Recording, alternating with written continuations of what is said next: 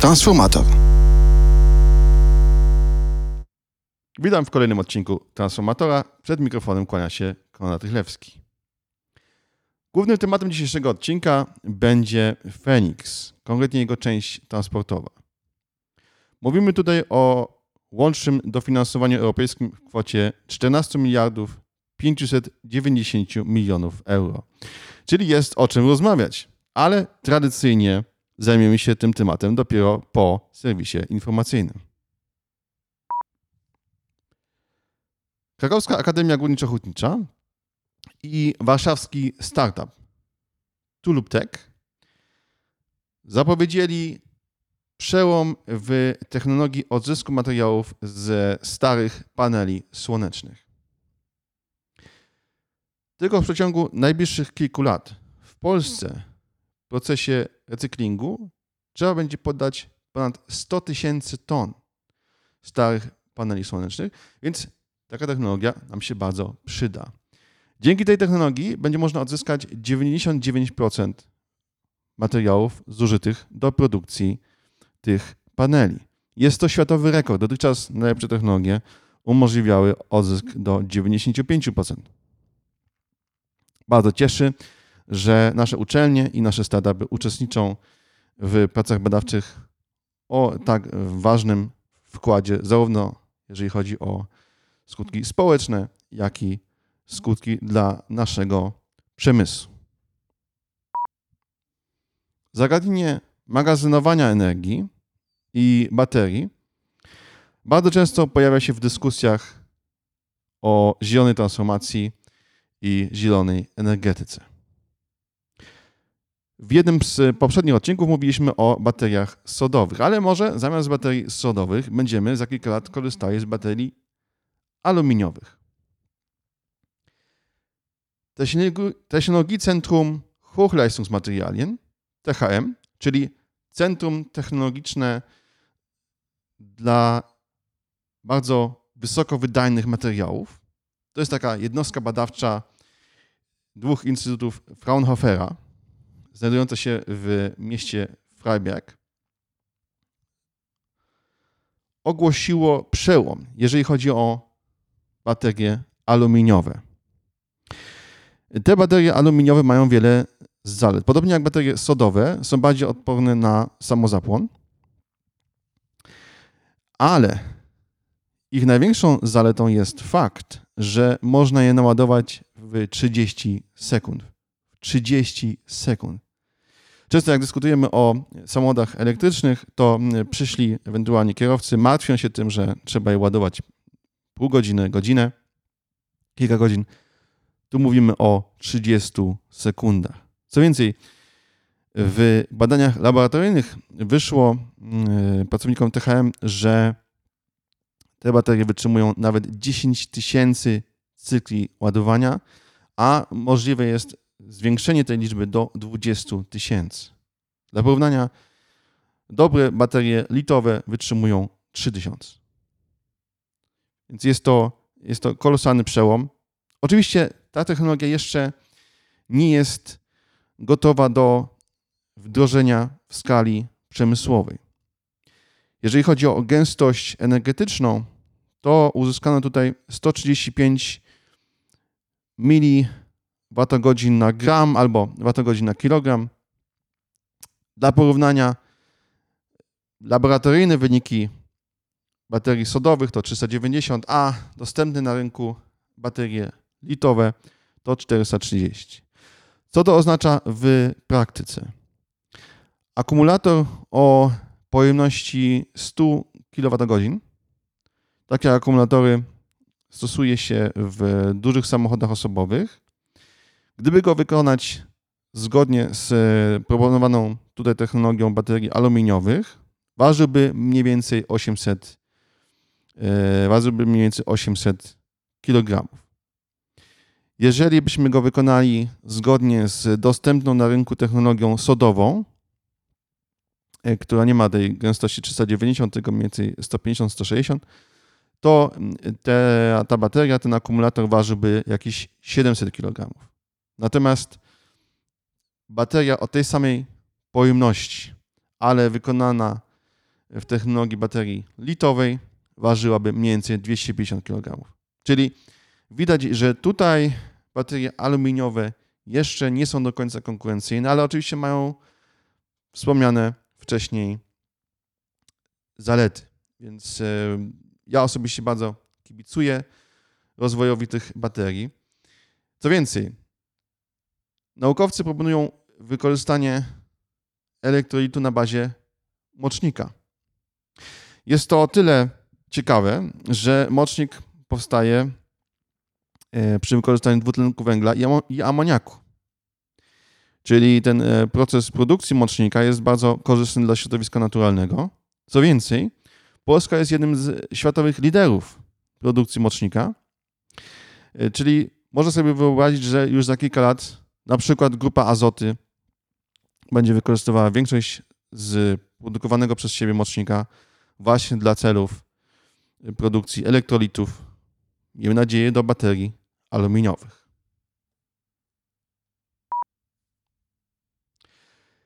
Chińczycy oczywiście też nie pozostają bezczynni, jeżeli chodzi o technologie związane z zieloną transformacją.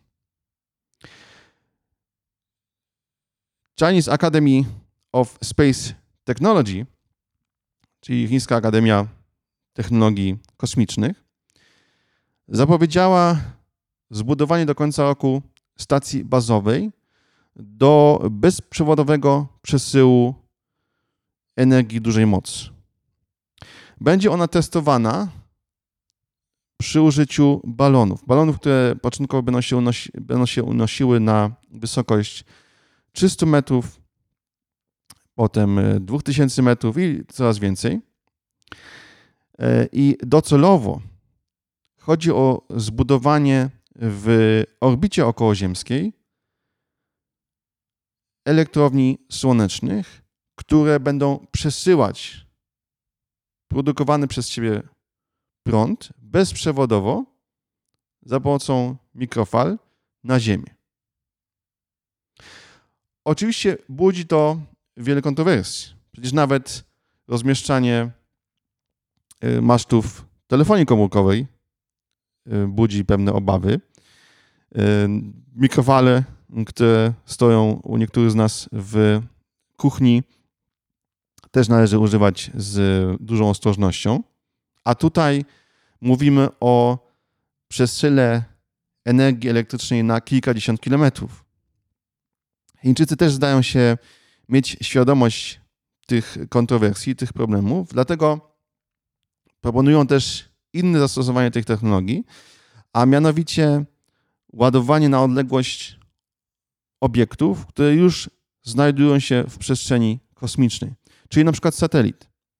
Czyli przyszłe satelity albo stacje kosmiczne nie musiałyby mieć własnych paneli słonecznych, nie musiałyby same generować potrzebny Y, potrzebny prąd, tylko podlatywałyby niedaleko tej elektrowni słonecznej i ta elektrownia słoneczna znajdująca się w orbicie okołoziemskiej ładowałaby po prostu te satelity, czy te statki y, kosmiczne albo, y, albo, albo, albo stacje orbitalne właśnie na odległość.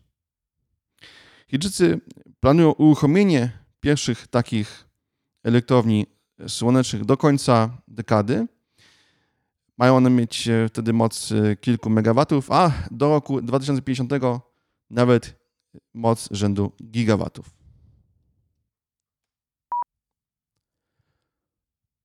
Produkcja cementu jest po produkcji stali. Działalnością przemysłową, która generuje najwięcej dwutlenku węgla. Dość powiedzieć, że 8% wszystkich emisji dwutlenku węgla pochodzących z działalności człowieka jest skutkiem produkcji cementu. Tylko w roku 2020 zużyliśmy 6 miliardów ton tego materiału. Czemu jest on tak groźny z punktu widzenia emisji dwutlenku węgla? Ponieważ y, w procesie jego produkcji wypalamy wapień, żeby uzyskać klinkier. I yy, węglan wapnia przekształcamy w tlenek wapnia. I nie tylko, że sam ten proces generuje mnóstwo dwutlenku węgla, to jeszcze wymaga on bardzo wysokich temperatur, około 1450 stopni. Naukowcy niemieccy i brazylijscy pracowali nad tym, żeby zastąpić wapień innym materiałem. Początkowo myśleli o boksycie, ale dostrzegli, że w rejonach tropikalnych, tam gdzie występuje boksyt, tam występuje też glina. Glina, którą nazwali betera. I ta glina może zastąpić mniej więcej 50 do 60% wapnia, wapienia. E, jeżeli chodzi o właśnie tą, tą mieszankę, którą wykorzystujemy później do produkcji cementu. Czyli zastępujemy 50-60% wapienia przez glinę Betera e, i dodatkowo możemy ten proces wypalania przeprowadzać w niższej temperaturze. Już nie 1450 stopni, ale 1250 stopni, czyli 200 stopni mniej. Łącznie uzyskujemy redukcję emisji dwutlenku węgla o mniej więcej 2 trzecie. Ja mam mieszane uczucia, uczucia, jeżeli chodzi o e, tą e, technologię, jeżeli chodzi o to podejście, ponieważ mówimy tutaj o wydobywaniu tej gliny w rejonach tropikalnych. Czyli w najgorszym przypadku o karczowaniu lasów, lasów tropikalnych po to, żeby dostać się do boksytu czy do gliny Beltera. Gdyby te szkody w lokalnym środowisku naturalnym faktycznie były tak duże, to oczywiście cały ten pomysł byłby z punktu widzenia ochrony środowiska naturalnego i klimatu niedorzeczny. Naukowcy argumentują, że ten boksyt i tak się wydobywa, a glinę Bertera dotychczas po prostu wyrzucano, traktowany jako odpad. Natomiast w przyszłości powinniśmy dążyć do gospodarki o obiegu zamkniętym. Czyli po prostu powinniśmy odzyskiwać już wykorzystane aluminium i przetapiać je w celu produkcji e, nowych, e, nowych urządzeń czy, czy nowych przedmiotów użytkowych. Dlatego znaczenie wydobycia nowych surowców powinno stopniowo maleć. I wobec tego też potencjał tej, tej gliny, która byłaby jakby wydobywana przy okazji, też będzie coraz mniejszy. Dlatego osobiście pokładam większe nadzieje w innych pracach badawczych, które polegają na przykład na tym, żeby zmniejszyć udział cementu w betonie. Albo żeby zastępować beton w ogóle innymi surowcami, na przykład drewnem. Stoją na świecie już budynki kilkudziesięciopiętrowe, dochodzące do, do 20-25 pięter, które są zbudowane praktycznie w całości z drewna. Oczywiście z drewna poddanego odpowiedniej obróbce. Ale jest to możliwe. Na pewno nie dla wszystkich budowli. Trudno sobie wyobrazić na przykład mosty, e, które byłyby zbudowane e, i e, bez betonu, i bez stali, prawda? Natomiast budynki 10, 15, 20 piętrowe jak najbardziej jest to możliwe do zrobienia bez albo w ogóle bez betonu, albo z bardzo znikomym udziałem betonu. Więc tutaj z całą pewnością jest to ciekawe podejście, ale podejście, które nie musi wygrać konkurencję o technologię przyszłości. Konkurencję o technologię przyszłości już wygrały panele perowskitowe. Ale mają one jeden istotny problem. Mianowicie zawierają ołów. Na szczęście naukowcy z Politechniki w Lozannie opracowali łatwą technologię, jak sobie z tym można poradzić. Jeżeli dodamy do y, tych perowskitów sól fosforanową,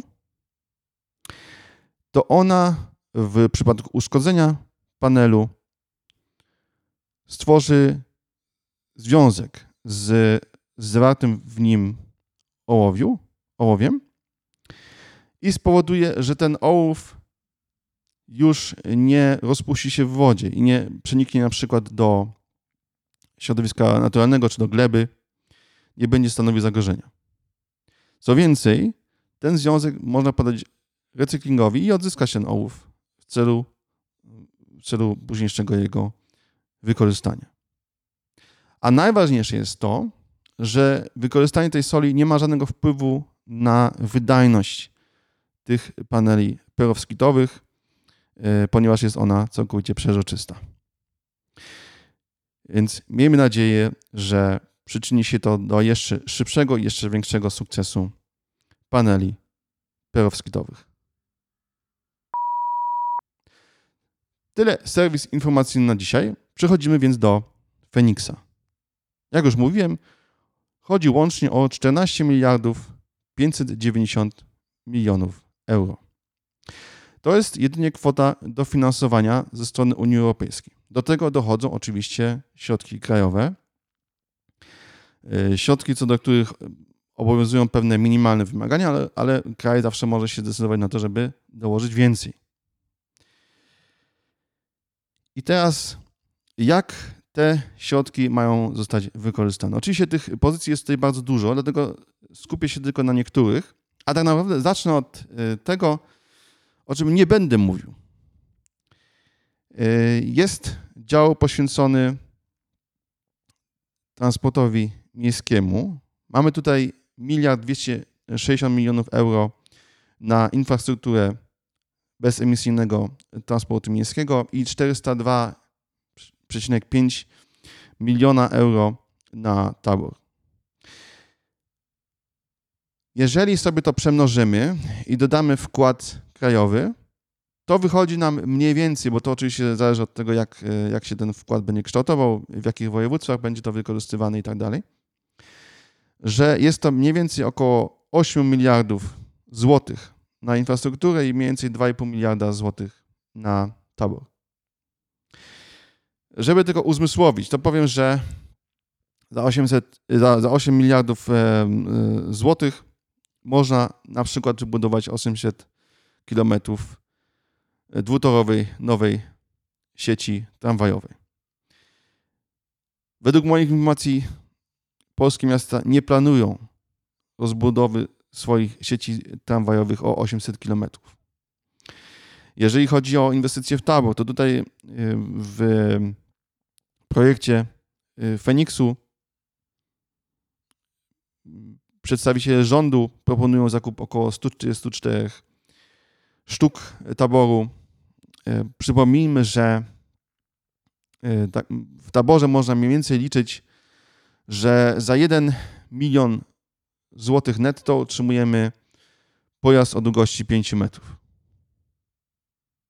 Oczywiście nikt nie będzie y, kupował 5-metrowych pojazdów, natomiast chodzi tutaj o skalę inwestycji. Czyli na przykład bardzo nowoczesny 45-metrowy tramwaj kosztuje nas 9 milionów złotych. A taki y, typowy pojazd kolejowy, pięcioczłonowy o długości więcej 100 metrów kosztuje nas 20 milionów złotych. I jeżeli sobie zestawimy 144 e, pojazdy, 2,5 miliarda złotych, no to wychodzi nam, że, e, że ten pojazd e, kosztowałby, że jeden pojazd kosztowałby dużo ponad, ponad 15 milionów. Czyli wiadomo, że nie chodzi tutaj wyłącznie o pojazdy tramwajowe, tylko też o metro. Zmierzam do tego, że po prostu pomysłodawcy takiego podziału inwestycji z całą pewnością myślą zarówno o tramwajach, jak i o metrze.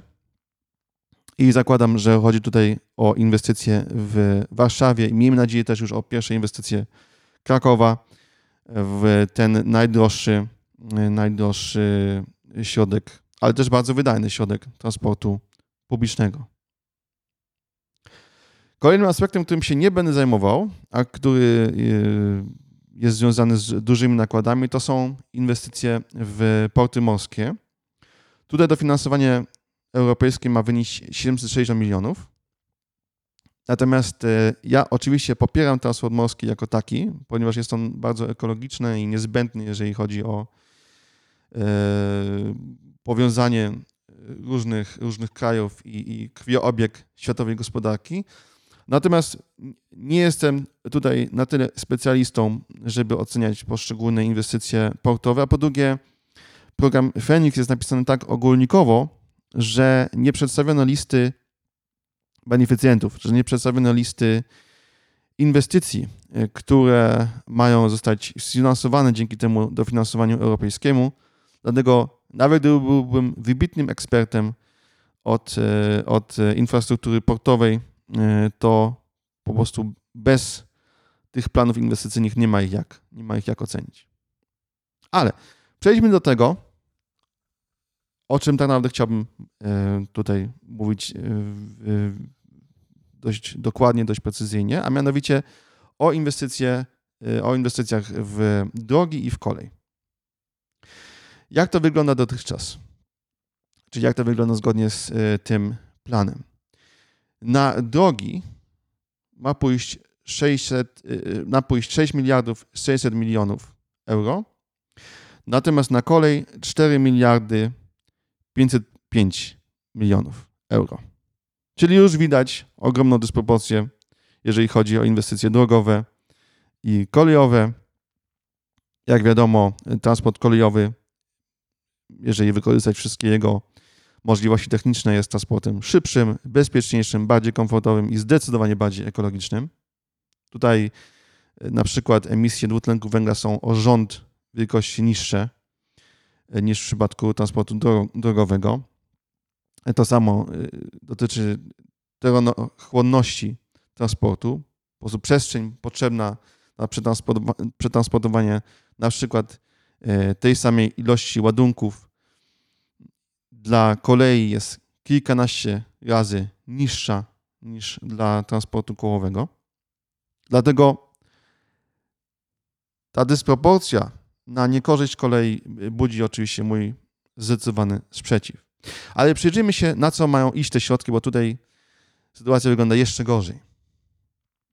Generalnie można podzielić te środki y, wedle trzech płaszczyzn, trzech wymiarów. Po pierwsze, czy idą na kolej, czy na drogi. Po drugie, na jaką sieć, na który element sieci idą. Czy jest to sieć transeuropejska, tak zwana bazowa sieć transeuropejska, czy kompleksowa sieć transeuropejska, czy fragmenty sieci, które nie są zaliczane do tej e, sieci transeuropejskiej. I trzeci aspekt, czy mówimy o nowo budowanych albo o rozbudowywanych elementach tej sieci, czy mówimy jedynie o przebudowie i modernizacji. I tak, jeżeli chodzi o sieć bazową, y, to na nowo wybudowane i rozbudowane elementy tej sieci bazowej, jak chodzi o drogi, ma pójść miliard 200 milionów. Na kolej jedynie 300 milionów. Jeżeli chodzi o sieć kompleksową, to tutaj na nowe i rozbudowane odcinki ma pójść 4 miliardy 530 milionów euro, jeżeli chodzi o drogi i znowu 300 milionów, jeżeli chodzi o kolej. Prawda, że to dziwne, że jeżeli chodzi o kolej mamy znowu 300 milionów? Wątpię, żeby, żeby te wartości tutaj były wynikiem bardzo wnikliwej analizy. Zresztą za chwilę Państwo zobaczą, że że moje podejrzenia, moje wątpliwości są, myślę, uzasadnione. Jeżeli chodzi o elementy przebudowywane i modernizowane, czyli dużo nie mówimy o nowych i rozbudowywanych, ale o po prostu remontach, remontach z częściowym podniesieniem parametrów technicznych, to dla dróg i sieci bazowej mamy 120 milionów, dla kolei miliard 500. Dla sieci kompleksowej, dla dróg mamy 100 miliony euro oczywiście, a dla kolei znowu miliard 500. Samo pojawienie się identycznych kwot budzi moje ogromne wątpliwości, bo po prostu wynika to najprawdopodobniej z tego, że coś trzeba było wpisać, więc e, wpisali takie, a nie inne wartości. E, natomiast nie ma to nic wspólnego z tym, że ktoś przeprowadził po prostu wnikliwą analizę kosztów planowanych inwestycji. Są to kwoty wpisywane po prostu z niczego. Tak wyssane niemalże z palca. Przynajmniej jeżeli chodzi o kolej.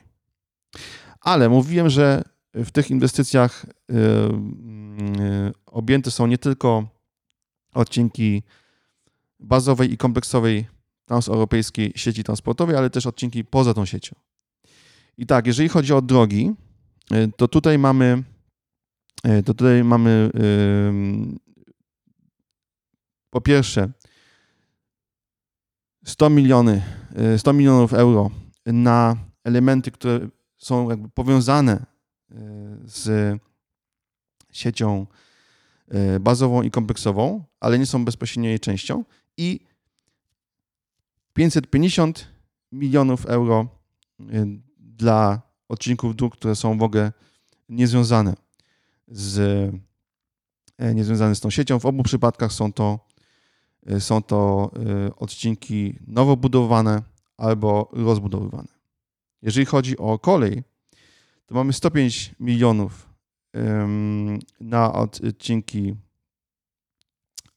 y, nowo budowane i rozbudowywane i 800 milionów na odcinki, gdzie mamy do czynienia jedynie z modernizacją.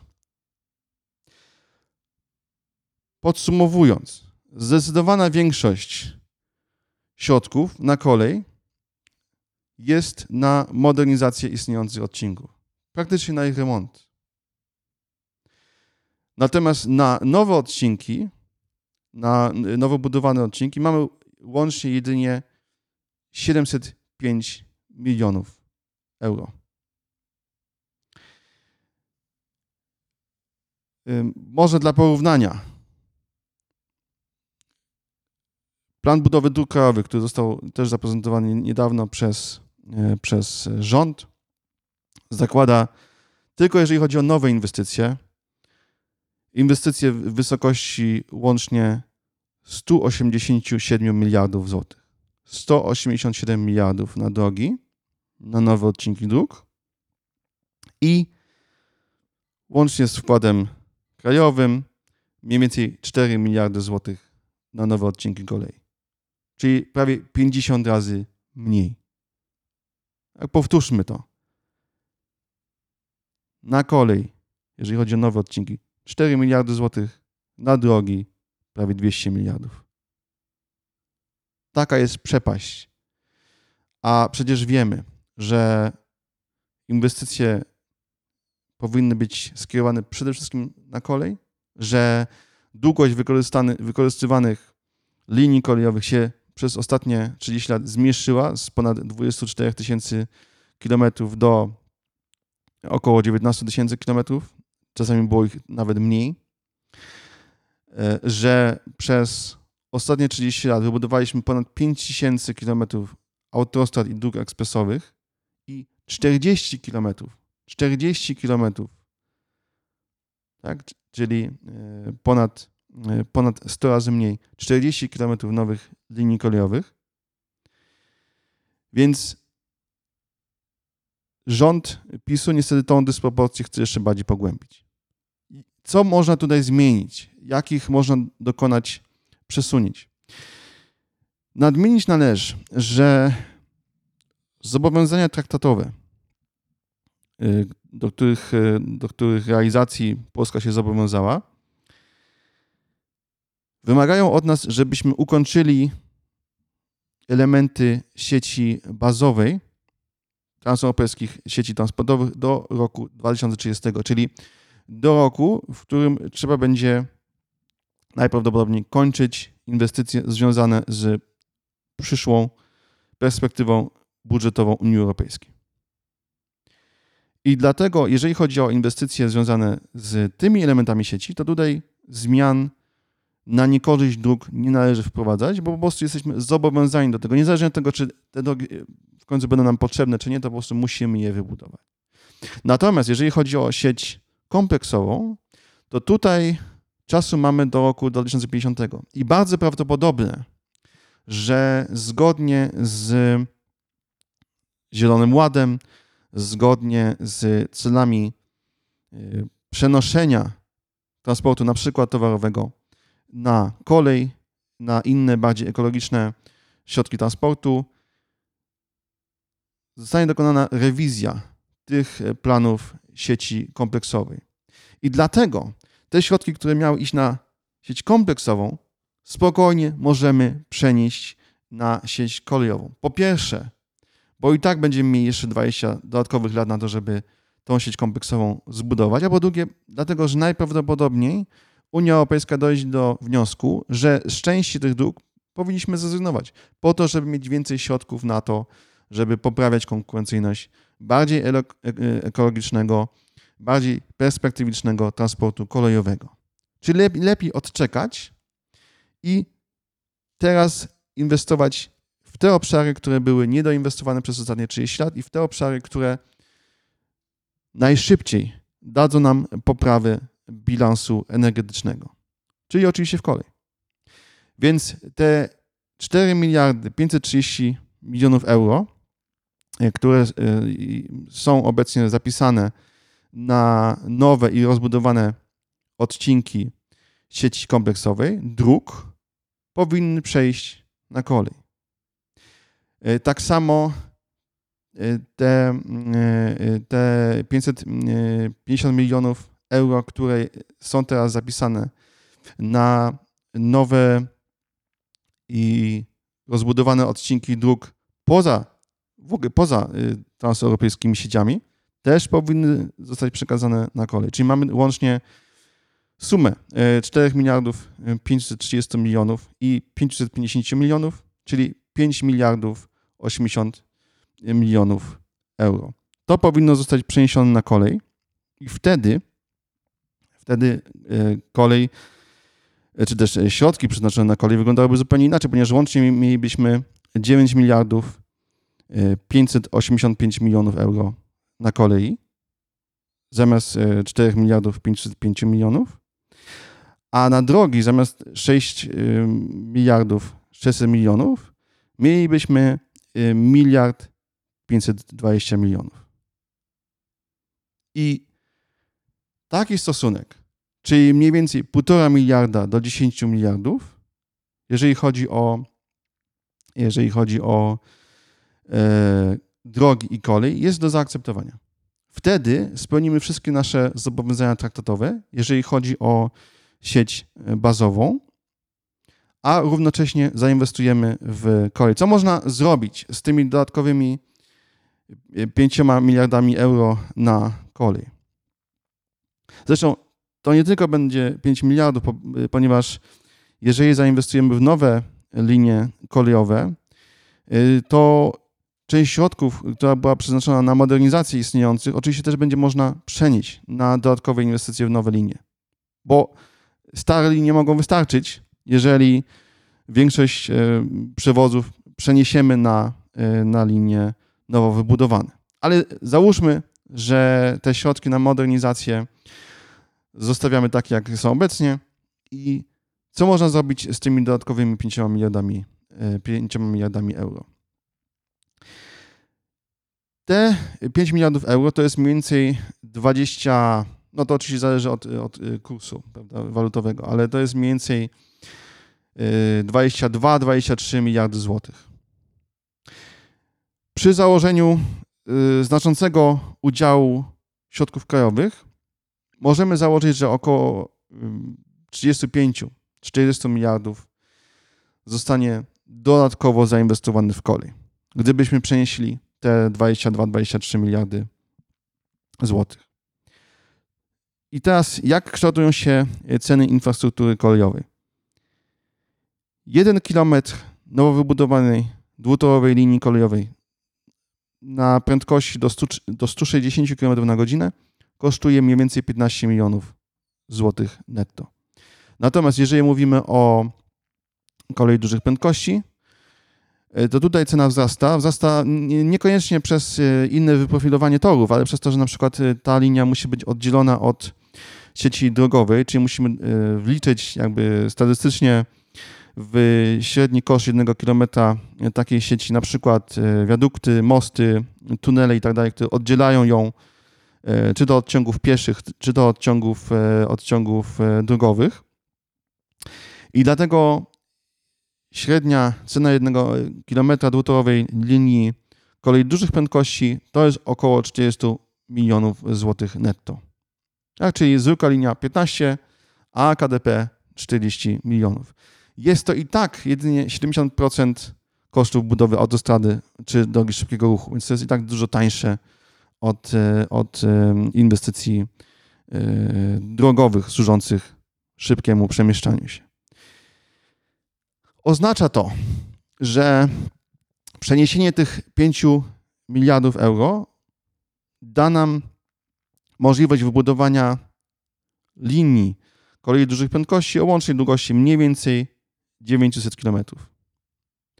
A to oznacza, że do roku 2030 liniami dużych prędkości, kolei dużych prędkości moglibyśmy połączyć takie miasta jak Warszawa, Łódź, Wrocław, Szczecin, ewentualnie zamiast Szczecina na przykład Poznań w kierunku, e, w kierunku Berlina, Wrocław w kierunku Drezna, w kierunku Pragi. Czyli stworzyć praktycznie cały Y, tak zwany Y.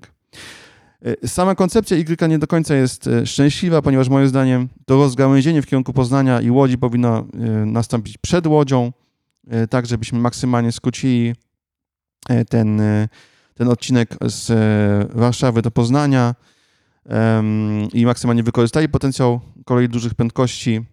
Przy obecnej technologii podróż, dla przykładu, z Poznania do Warszawy mogłaby trwać 45 minut. E, zgodnie z założeniami Y trwałaby e, mniej więcej półtorej godziny, więc Y nie jest najlepszą, najlepszą formą, czy najlepszym sposobem wytrasowania tych linii kolei dużych prędkości, natomiast można go utrzymać jako, taki, e, jako takie pojęcie marketingowe, żeby nawiązywać do tego, nad czym rząd pracował wcześniej.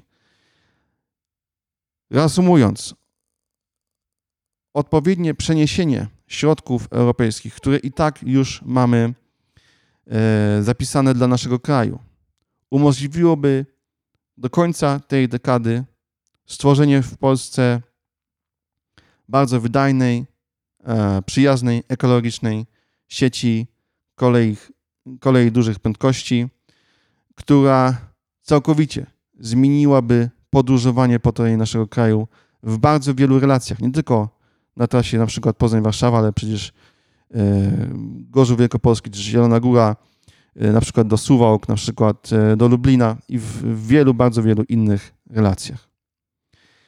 Dlatego walczmy o to, żeby te nakłady zostały odpowiednio zmodyfikowane, żeby Feniks został odpowiednio poprawiony, a jeżeli obecni politycy nie są do tego, y, nie są do tego skłonni, to po prostu tych polityków należy wymienić na innych. Oczywiście w ramach procedur demokratycznych. Z przyjemnością poznam Państwa opinie na tematy przedstawione w dzisiejszym odcinku. Bardzo dziękuję za jego wysłuchanie. Bardzo miło mi jest też poinformować, że w końcu transformator jest też dostępny w iTunes, czyli e, wszyscy użytkownicy urządzeń firmy Apple mogą teraz jeszcze łatwiej do niego dotrzeć. Miejmy nadzieję, że, że nasza rosnąca e, słuchalność transformatora tym bardziej jeszcze E, się zwiększy dzięki temu. Jeszcze raz dziękuję za wysłuchanie. Zachęcam i zapraszam do słuchania kolejnych wydań Transformatora i dziękuję za uwagę.